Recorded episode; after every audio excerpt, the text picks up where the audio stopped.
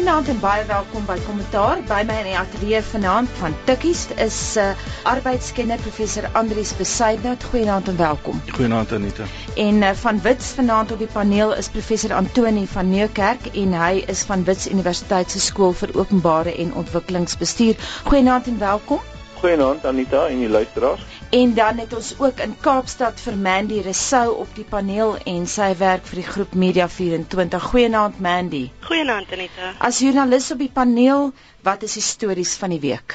Wel, die groot storie van die week is natuurlik die begroting en ehm um, ek dink wat ons sal doen waarskynlik is kyk na die politieke aspek van die begroting eerder as die ekonomiese een, want ehm um, dis die deel waaraan ons belangstel. Dan kyk ons ook na die tolpaaie wat eh uh, die die minister oor gepraat het. Ons kyk na die geveg tussen uh, Jacob Zuma en die jeugliga wat hierdie week homself uitgespeel het. Ons sal ook kyk na die ontwikkelinge in Sirië, in Iran, in Griekeland, die Somalië konferensie wat plaasgevind het in Londen en dan moet ons ook net sê ons um, wens die alle sterkte toe vir die volgende paar dae. Dit lyk darem asof hy beterskap wys en um, ons sal ons hoop om hom weer op die been te sien baaspoedig. Kom ons begin uh, dit gesê met die begrotingsrede. Soos wat Mandy tereg gesê het, Andries, gaan ons kyk na die politieke implikasies. My kollega Erika van der Merwe sal in Fin Fokus waarskynlik meer kyk na die uh, finansiële implikasies. Wat slaan jou tussen die oë, Andries? Anita, daar's twee dinge wat ek baie interessant vind. Ek het die um die toespraak versigtig gaan lees en uh, daar's 'n internasionale ekonomiese element daarin wat ek baie interessant vind van hoe Pravin Gordhan um Suid-Afrika se ekonomie in die toekoms sien. En hy praat daar van 'n um verskuiwing van die ekonomie weg van Europa, die VSA en hy noem spesifiek China en Indië. Um en hy noem dat daar um uit China waarskynlik 'n hele aantal werksgeleenthede gaan skuif uit die land uit na elders, soos China se se ekonomie opgradeer.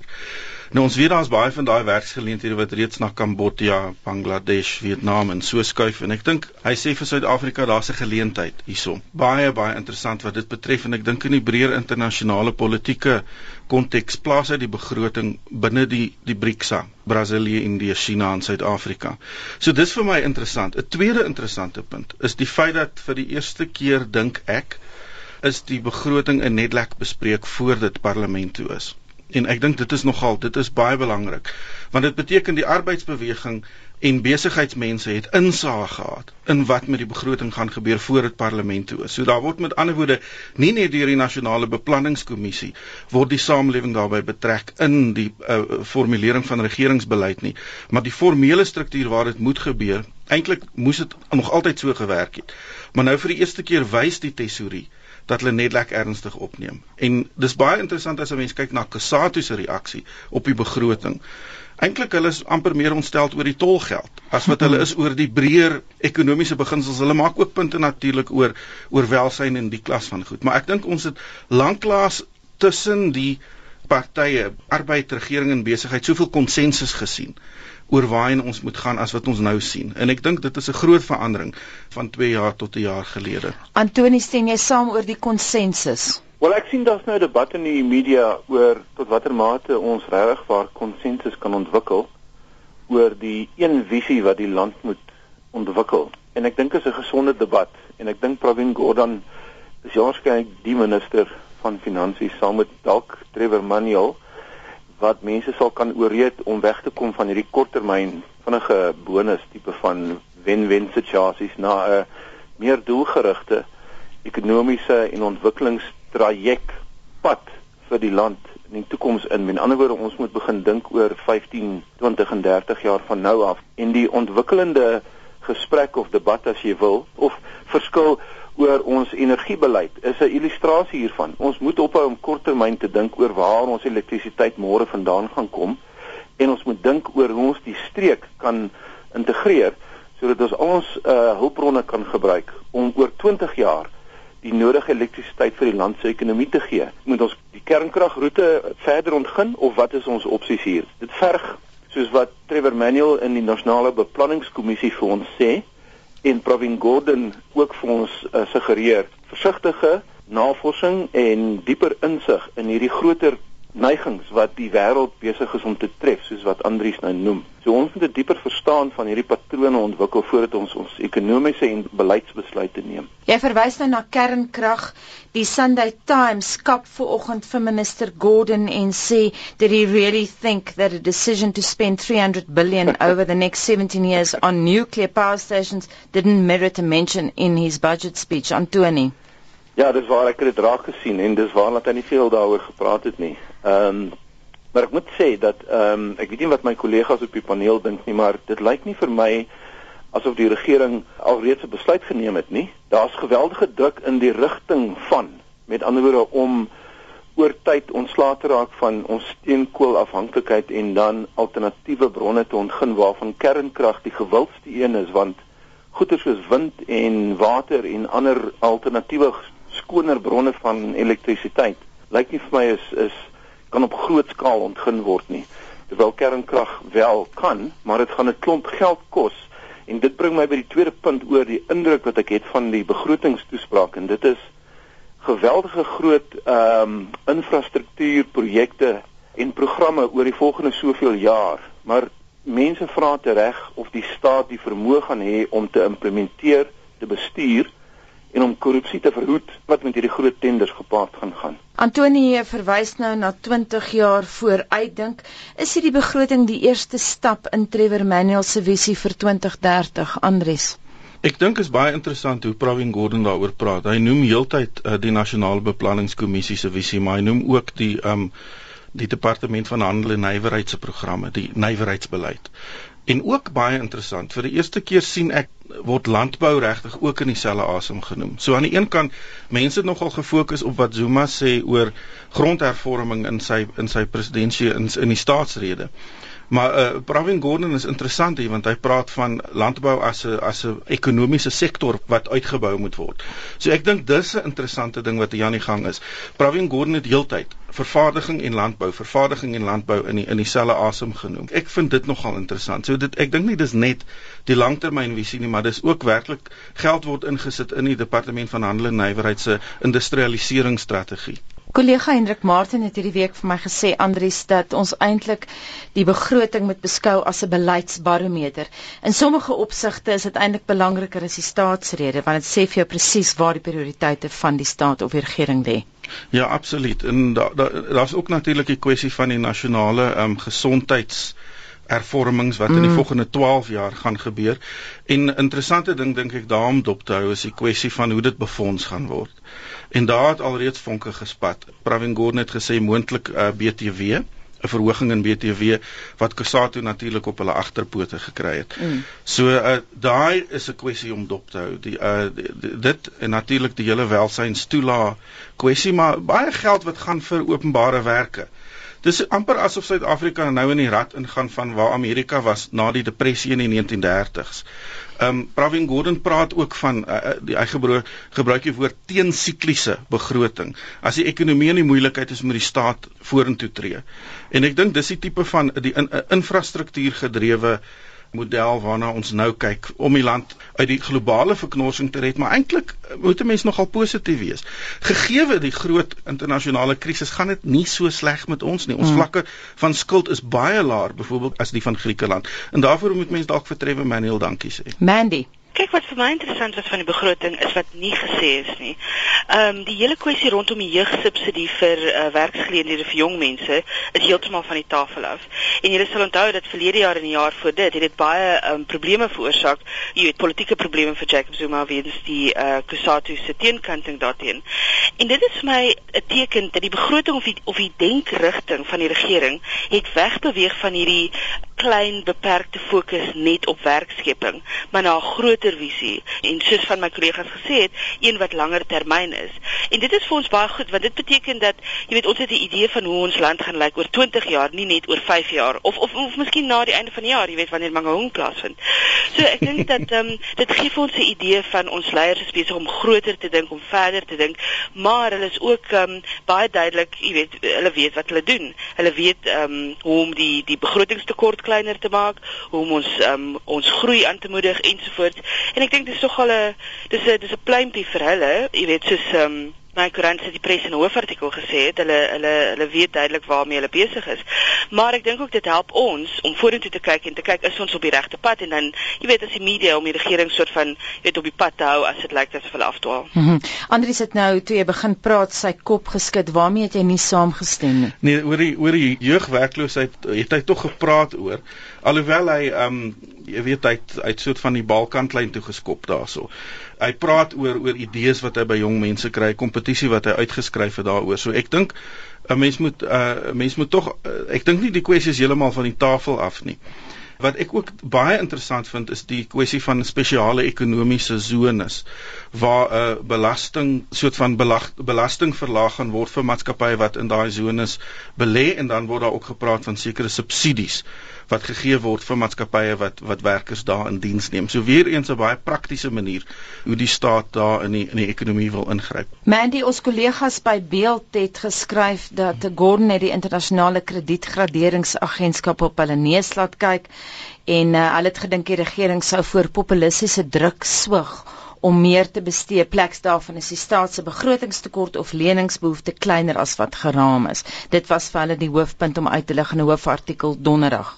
Mm, weet jy ek stem saam. Ehm um, en dit wys die die rol van individue in die regering. Jy weet, as daar enigiemand anders was wat ehm um, wat die minister van finansies was, dan was dinge miskien 'n bietjie anders want jy weet ons is vir alle doeleindes in 'n verkiesingsjaar want die ANC is besig om homself voor te berei om dalk nuwe leierskap te kies of om die leierskap wat tans in plek is te herkies. So ek dink dit is nogal 'n pleintjie vir ehm um, Pravin Gordhan, maar ek dink ook dat jy weet die goed soos die ehm um, nasionale plan wat wat uh, Trevor Manuel voorgelê het. Jy weet daai tipe goeders kom nou in uh jy weet kom nou in in regeringsbeleid in.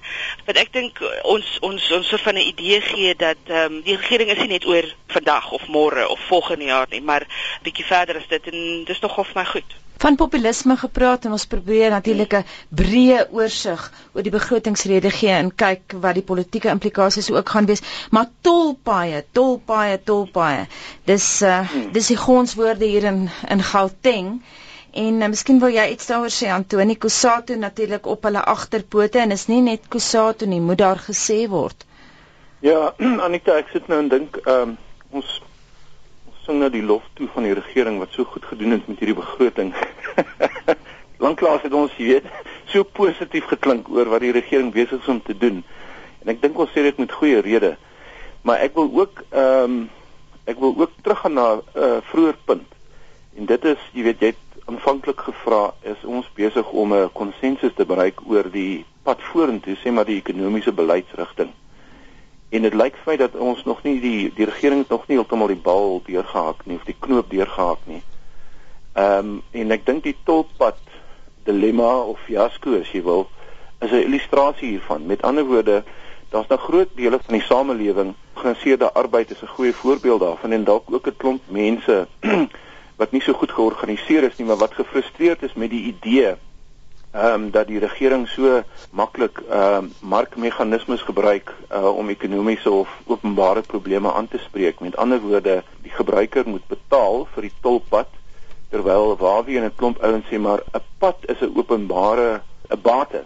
Dis iets wat die land se inwoners moet geniet en gebruik. Die staat moet dit voorsien en op 'n manier geld daarvoor kry. Hoekom moet ons nou betaal vir onderwys of verdediging of openbare vervoer of paaie?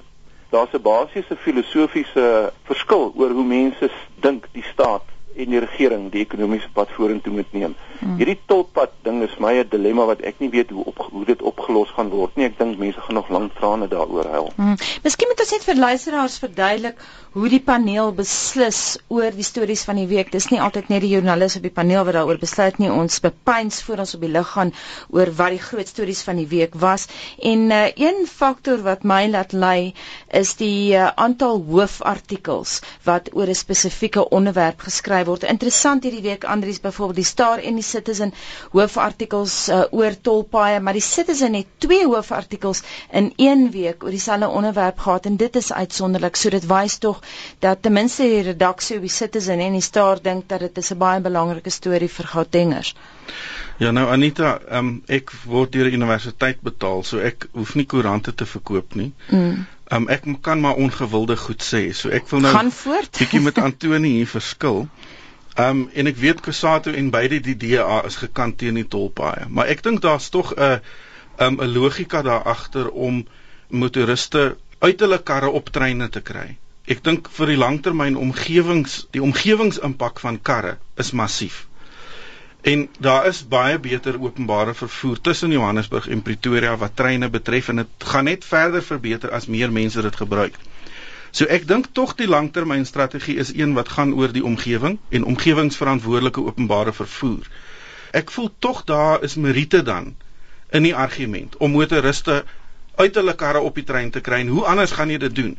as om die kar so duur te maak en die trein so goedkoop te maak dat dit nie meer 'n opsie is nie. Ons het 'n geweldige Amerikaanse kultuur in Suid-Afrika wat ons vervoerstelsel betref.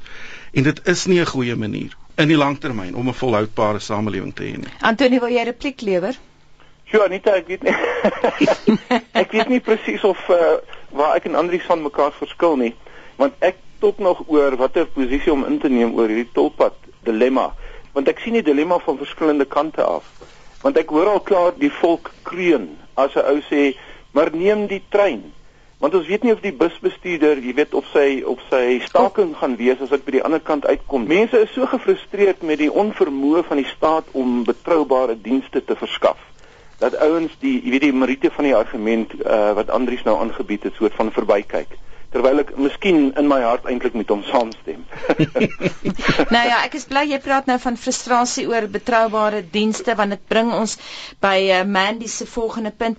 Mandy, kom ons gesels 'n bietjie oor dienslewering in die stand van munisipaliteite en soos wat ek dikwels op kommentaar sê, dis natuurlik een van uh, Wyle Frederik van Sail Slabbert se punte gewees dat dienslewering een van die groot probleme in die post-apartheid Suid-Afrika gaan word. Die regering het nou erken hierdie week dat min gekom het van die munisipale omkeerstrategie wat 2 jaar gelede begin is.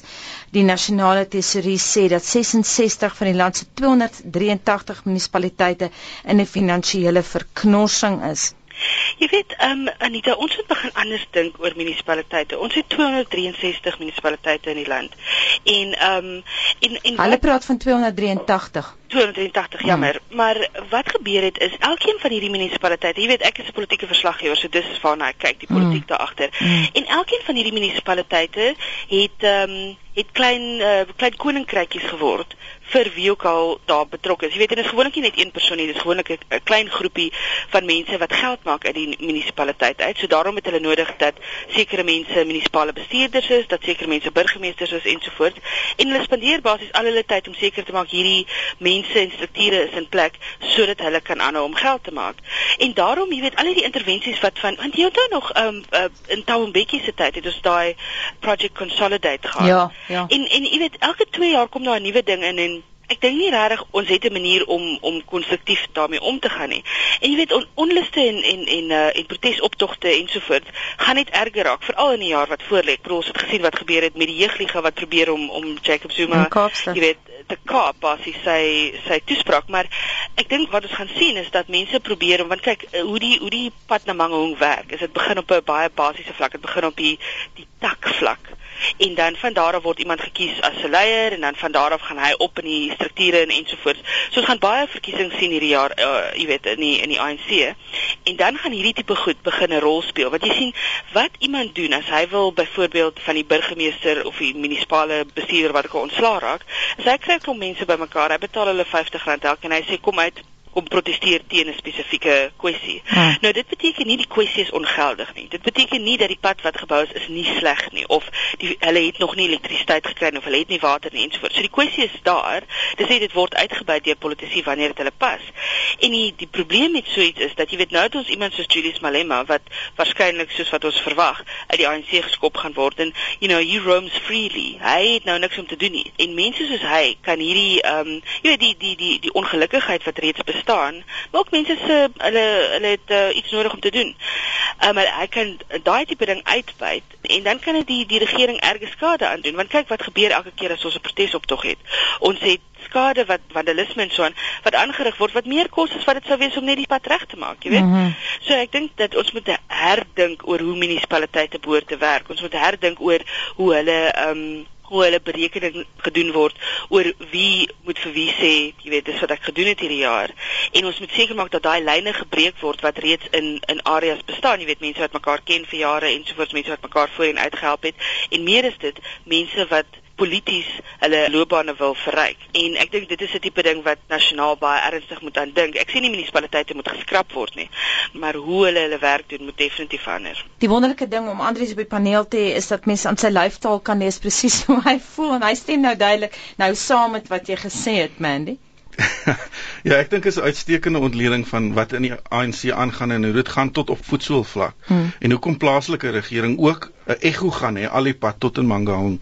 As ek dit vir 'n oomblik net terug na die begroting toe kan vat, daar word spesifiek oor die 8 metro's gepraat en baie baie geld in die begroting gaan aan 'n nuwe agentskap spandeer word wat moet kyk na die bestuur van die metro's. So ek dink dit is interessant. Dan word daar praat Pravin Gordhan van internskappe um, om mense op te lei. En ek dink in baie gevalle in plaaslike regering gaan dit dood eenvoudig oor 'n gebrek aan vaardighede ook om die, om die dinge te bestuur. Ek dink uh, I mean Mandy praat ook van die ding van van van makker ontplooiing of kyk mm. of kyder deployment en dit is 'n groot groot probleem. Daai verstrengeling van van die partye in die staat wat ook op plaaslike regering impak het. Maar ek dink 'n mens moet jouself die vraag afvra, wat maak dat 'n sanitasie ingenieur in Springfontein wil woon? Want dis die tipe vaardighede wat jy nodig het. Wie praat vir die klein dorpies? Wie praat vir die platteland? Ons praat altyd oor die agt groot metro's. Ja, goeie punt. Maar reis deur die platteland en kyk wat die toestand is. Baie mense is van plase af en in slums rondom die klein dorpies plattelandse Suid-Afrika is in 'n groot groot sosiale krisis. Mm. En dis werklik dis werklik iets om na te kyk. En baie van ons luisteraars sit daar. Baie goeie punt wat hy nou maak. As ek miskien kyk op monitor hierdie week, het ek 'n lang onderhoud gevoer met Leon Klasen van Ratings Africa wat juist byvoorbeeld weer gepraat het oor Johannesburg wat aangewys is as die swakste metro munisipaliteit in die land, maar het Andries nie 'n punt nie Antoni dat ons miskien uh, nie genoeg aandag gee aan wat op die platteland gebeur nie. Ja, ek ehm um, ek wil my opmerking so maak en dalk van Mandy 'n vraag vra as ek mag. Ek weet nie of dit kan nie. Gaan voort. Ehm um, sy het 'n politieke kultuur geskets van wat op die voetsoolvlak aan die gang is met die regerende party en dit bepaal dikwels tot watter mate dienslewering plaasvind of skeef getrek word al dan nie. En ek dink altyd dat uh die grootste probleem wat ek sien met dienslewering is dat mense wat vir die staat of die munisipaliteit of die metro gaan werk, het nie eintlik die vermoë of die opleiding of die vaardighede om die regte dinge te doen nie, waarvan die grootste probleem heel waarskynlik finansiële bestuur is. So my antwoord op hierdie probleme is altyd kom ons lei meer mense op en ons gee hulle die regte vaardighede. Ons gee hulle die vermoë om dinge beter te bestuur. Maar as Mandy reg is en daar is 'n politieke kultuur wat op ander uh, wat jy weet op 'n ander manier werk en ander mense se knoppies op 'n ander manier druk, dan gaan hierdie tipe van tegniese antwoord van my nie veel indruk maak nie. Dan gaan die platland in 'n krisis bly voortbestaan en dan gaan dinge nog slegter word voordat dit enigstens beter kan word. Is dit moontlik dan? Ja, ek dink ehm um, Antonius reg dat dit ehm um, om tegniese vaardighede in in munisipaliteite te plaas is presies wat al hierdie omkeerstrategieë wou doen al hierdie jare. En ehm um, en dit het baie beperkte sukses gehad. Die probleem is dat jy het gewoonlik mense op veral veral in die klein dorpies, mense wat nie ehm um, self enige tegniese vaardighede het nie. Hulle word leiers, hulle word burgemeesters en munisipale bestuurders ensovoorts. En ehm um, hulle wil nie hê daar moet mense inkom wat vaardighede het nie, want dan jy weet as as iemand 'n begroting beter kan lees as hulle, dan kan die foute opgetel word en dan kan gesien word wat hulle besig is om te doen. So ja, die kultuur is nie vir so dat dit vaardighede verwelkom nie, maar dit is hoekom ek sê, ehm um, dit is iets wat ehm um, in wette geplaas is. Basies dat jy moet die regering moet sê luister dit is wat daar moet wees. Ons moet eis dat sekere poste nie gevul kan word deur enigiemand wat 'n kwalifikasie laer het as 'n sekere vlak nie. En um, en ek dink dit dit sal 'n entjie gaan. Maar weet jy ek ek praat baie met mense wat op hierdie vlakke werk nê. En selfs die die sogenaamde kaders die comrades wat die nodige kwalifikasies het hulle word uitgeskuif. Jy weet hulle word eenkant toe geskuif want daar word van hulle gesê hulle probeer om idees te skep wat nie goed is vir die mense nie of hulle is nie um, verkies is nie, so daarom moet hulle nie regtig hulle monde oopmaak oor hierdie tipe kwessies nie. En ehm um, so jy weet selfs binne die party, daar's baie mense wat die nodige ehm um, ervaring, grade, opleiding ensovoorts het. Maar selfs hulle sukkel soms om op die plekke te kom waar hulle moet wees of om die toegang te hê wat hulle moet hê om hulle werk te doen, want ehm um, daar's magtige mense wat sê ehm um, jy weet ons wil aangaan soos wat ons doen wat die wat die stelsel soos dit nou is, die korrupte een, werk vir ons. Ons moet aanbeweeg, ons het nie so baie tyd oor nie. Baie kortliks man, ek wil vir 'n oomblik by jou bly. Zuma versus die ANC jeugliga alweer 'n gekoppe stampery in die Kaap en uh, letterlik uh het die bloed gevloei as mens nou dink aan wat met uh, byvoorbeeld my kollega Rudy Leroux gebeur het. Ja, weet jy Anita, ons gaan hierdie goed sien vir die res van die jaar op elke vlak. En nie net Zuma nie. Jy weet enigiemand wat gesien word as deel van Zuma se kamp, wat om dood eerlik te wees, soos van 3 kwart van die kabinet op hierdie stadium is, so ek sê. So, ehm um, jy weet so ons gaan dit die hele tyd sien. Ons gaan sien Malusi Gigaba, ehm um, die minister van openbare werke uh van ehm um, staatsmaatskappye. Hy gaan waarskynlik ook uh so ge getarget word. Dit is die patroon wat ons gaan sien. Hoe effektief dit is is natuurlik 'n ander storie want ek het die idee gekry Zuma het die die situasie redelik goed hanteer. Jy weet hulle was baie kwaad daar mm. en so voort, maar dit het nie die hele ding laat ontplof soos wat ek dink die jeugliga wou gehad het dit moes nie. So ehm um, so ja, ek dink ons gaan baie van hierdie tipe goed sien en ek dink dat jy weet die ANC sal waarskynlik doen wat hulle gewoonlik doen wat basies net is om nog uh, veiligheidspersoneel te kry en groter entourages te hê vir elke groot kop in die party. Ehm um, en ja, en dan sal ons maar sien hoe hoe ver hoe ver die jeugliga kan gaan en hoeveel ondersteuning hulle het om hierdie tipe veldtog vol te hou. Dis tyd om aan te beweeg na internasionale nuus en hier gaan ek die bal in jou baan plaas. Antoni, die nuutste oor Griekeland, uh, meer as 160 belastinggaders van Duitsland het hulle nou beskikbaar gestel om in Griekeland te gaan help om belastings meer doeltreffend in te vorder. Die nuutste daai natuurlik, uh, daar is ooreengekom oor hulppakket en die Grieke het onderneem om hulle skuld te verlaag sodat dit teen 2020 nie meer as 120% van hulle bruto binnelandse produk beloop nie. Ja, Anita, weet jy, ons skuldlas uh draai hierby is dit tussen 30 en 40%. Ek kan nie die presiese syfer onthou nie. En mense, die ons ekonome kyk met groot oë daarna sodat nie veral met hierdie infrastruktuurontwikkelingsprogram van etlike etlike dekades wat die minister nou bekend gestel het, dan slaan jy jou hande saam as jy dink dat die Grieke sit met 'n skuldlas van oor 120%. Dit is nou na hierdie reddingspakket of boei mm. ingegooi word en ek het 'n paar kritiese uh, artikels gelees oor die naweek wat sê dat ehm um, dit gaan nie veel verskil maak nie dat Griekeland nie werklik waar oor 'n paar jaar die pyp gaan rook nie. En wat meer is, dis eintlik uh, miskien 'n kommentaar oor die die mate waartoe die Europeërs in staat is om te integreer in hulle streek en of die eurozone eurozone werklik gaan werk en of die die hulle hulle geldeenheid werklik waar hierdie krisis gaan die man staan want dit is nie die enigste land wat uh, so geweldige openbare skuldlas het nie. Ehm um, die Spanjaarde, die Italianers, uh, omtrent almal doen dit, selfs die Duitsers.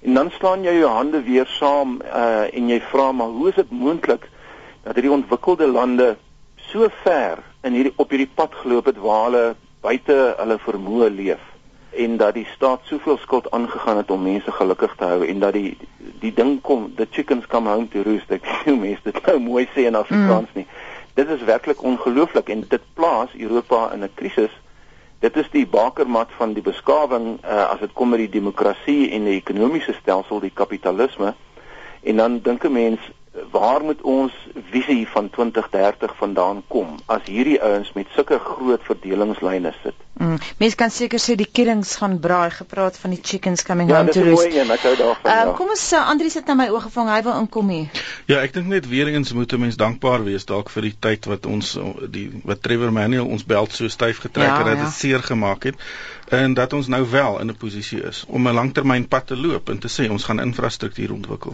Antoni het ook van ons op die lig gegaan het gesê hy wil graag iets sê oor Somalië, baie belangrike konferensie in Londen. Ja, Anita, uh Somalië is is een van Afrika se knelpunte. Ehm um, dis 'n vervalle staat.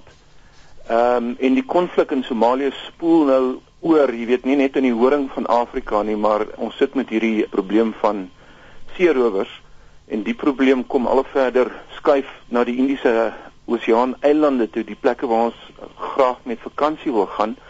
En so ons uh vloot moet nou saamwerk met die Mosambiekers wat nie 'n vloot het nie en die Tansaneërs om uh, om hierdie seerowery uh, op te slaan. En mense het nou gehoop dat met 'n uh, geweldige groot konferensie wat deur die Amerikaners en die Europeërs bygewoon is in Londen 55 lande. Ons minister van buitelandse sake het ook soontoe vertrek en het die mense daar vertel van wat ons alles doen in Somalië, wat alles waar is. Maar dit lyk nie vir my toe ek die deeltjie van die van die terugvoer hoor na die konferensie die adjunk eerste minister van Somalië as Somalië eerste minister kan hê of 'n adjunk Hy sê dis 'n goeie ding dat die Europeërs so geweldig belangstel, maar hulle moet asseblief net as hulle die bomme op El Shabaab gooi, seker maak dat hulle nie die kinders en die vrouens raak gooi nie, hmm. of doodmaak in die proses nie. Hmm. En Anita wat uh, die rede hoekom ek hieroor graag hieroor wil praat is in my verbeelding flits tonele van Afghanistan en Irak en selfs Libië voor my oë. Met ander woorde, die politieke krisis in die horing van Afrika word nou gemilitariseer tot 'n verdere hoër graad en ek is nie seker of hierdie tipe van drones, hierdie onbemande vliegtye wat die Amerikaners instuur om hulle vyande te vernietig in Afrika gaan werk nie. Mm -hmm. Dit hierdie konflik trek of suig 'n klomp soldate en militêre eenhede in hierdie probleem in. En ons weet almal eintlik is die antwoord 'n politieke een. So uh dit lyk nie vir my ons gaan regtig waarvoor uitgang maak daar nie en dit is in kontras as ek mag byvoeg met die tipe van benadering nou in Sirië word baie vloei baie bloed en die idee om vir Kofi Annan nou aan te stel deur die VN en die ek dink die Arabiese Bond. Ja. As as die gesant, die persoon wat moet gaan medieer en probeer om vrede te bewerkstellig, lyk vir my na 'n beter benadering en ek sê dit omdat ehm um, Kofi Annan dieselfde ding gedoen het toe Kenia ontplof het in 'n orgie van bloed en geweld met hulle vorige algemene verkiesing die man het ingegaan en hy het met almal gepraat en hy het 'n span saamgeneem en dis nie die tipe van ding wat jy op die voorblad van die Sunday Times lees elke elke Sondag nie, maar hy het stilweg onder agter die skerms gewerk om mense nader aan mekaar te kry. En hy het 'n tipe van 'n kompromis politieke skikking bereik wat dalk nie die eerste prys is nie, want Kenia is nog steeds onstabiel sou ek sê. En hulle sit met 'n kabinet van iets so 60 ministers of so. So almal wat sê ek het mag, jy weet, kry 'n pos in die kabinet. Maar ten minste maak die mense nie oorlog in Kenia nie. Mm. En dit is wat jy wil hê in Sirië op hierdie stadium. Ons het uh, nou ook nie vanaand uitgekom by Iran nie, maar uh, ek het 'n vermoede dat ons nog baie lank oor Iran gaan praat. Mm. Net vinnige laaste vraag aan jou Antoni. Wat sou jy sê vir die luisteraar wat vir jou sou vra maar hoekom praat jy oor Somalië? Wat het dit met my te doen? Jy het nou na ons vakansieplekke verwys, maar dit tersyde. Wat sou jou antwoord wees? Wel, ek dink Suid-Afrika uh, is in Afrika, soos deel van die vasteland. Uh, en Mandy moet my nou ondersteun hier. As die vasteland nie werk nie en verval in wanorde, dan is ons voorland 'n soortgelyke een. Ons kan onmoontlik hierdie tipe van optimistiese visie ontwikkel vir waar ons oor 20 of 30 jaar wil wees as ons weet dat Zimbabwe besig is om te verval of dat Swaziland en Lesotho besig is om vervalle state te word en jy weet 'n uh, mis 'n uh, 'n uh, 'n kern van 'n bende 'n uh, staat word. So met ander woorde, ek dink dit is belangrik dat deel van Suid-Afrika se visie is om die kontinent te help stabiliseer. Jy weet, Somalië is in die horing van Afrika, maar in Kaapstad verkoop hulle Coke en hamburgers op die straat. En ons Suid-Afrikaners kan dit nie hanteer nie want daai hamburger kos 'n bietjie goedkoper as die een wat jy uh, in die Spaza shop gaan koop. So dit is belangrik dat ons verstaan dat ons almal deel is van Afrika en dat Afrika se vooruitgang ons eie vooruitgang is. Antonie, eh, ons sal byna met haltroepe baie kort laaste woord aan jou Mandy. Ek stem saam met Antonie en ek dink dat uh, die ander probleem met Somalië is ook dat dit uh, dit is die die plek waar terrorisme in Afrika nou die mees aktiewe uh, aktiwiteit is. En ek dink ehm um, vir ons in Suid-Afrika is dit iets wat nog baie ver weg is en baie ver voel, maar uh, jy weet dit is besig om nader en nader te beweeg en dis hoekom ons moet bekommerd wees daaroor. En ons nog nie eers by Al-Shabaab uitgekom nie, maar uh, dis 'n gesprek vir 'n ander aand. Laaste woord vanaand aan Mandy Resou van Media 24. Baie dankie dat jy kom saamkuier dit. Baie dankie Anita. En baie dankie aan professor Antoni van Nieuwkerk van Wits Universiteit se skool vir openbare en ontwikkelingsbestuur. Dankie vir jou insette. Plesier Anita. En baie dankie aan professor Andrius Besuidnout wat so getrou deur hy van Pretoria om te kom gesels met ons. Baie dankie Andrius. Dankie Anita en kollegas vir 'n aangename gesprek.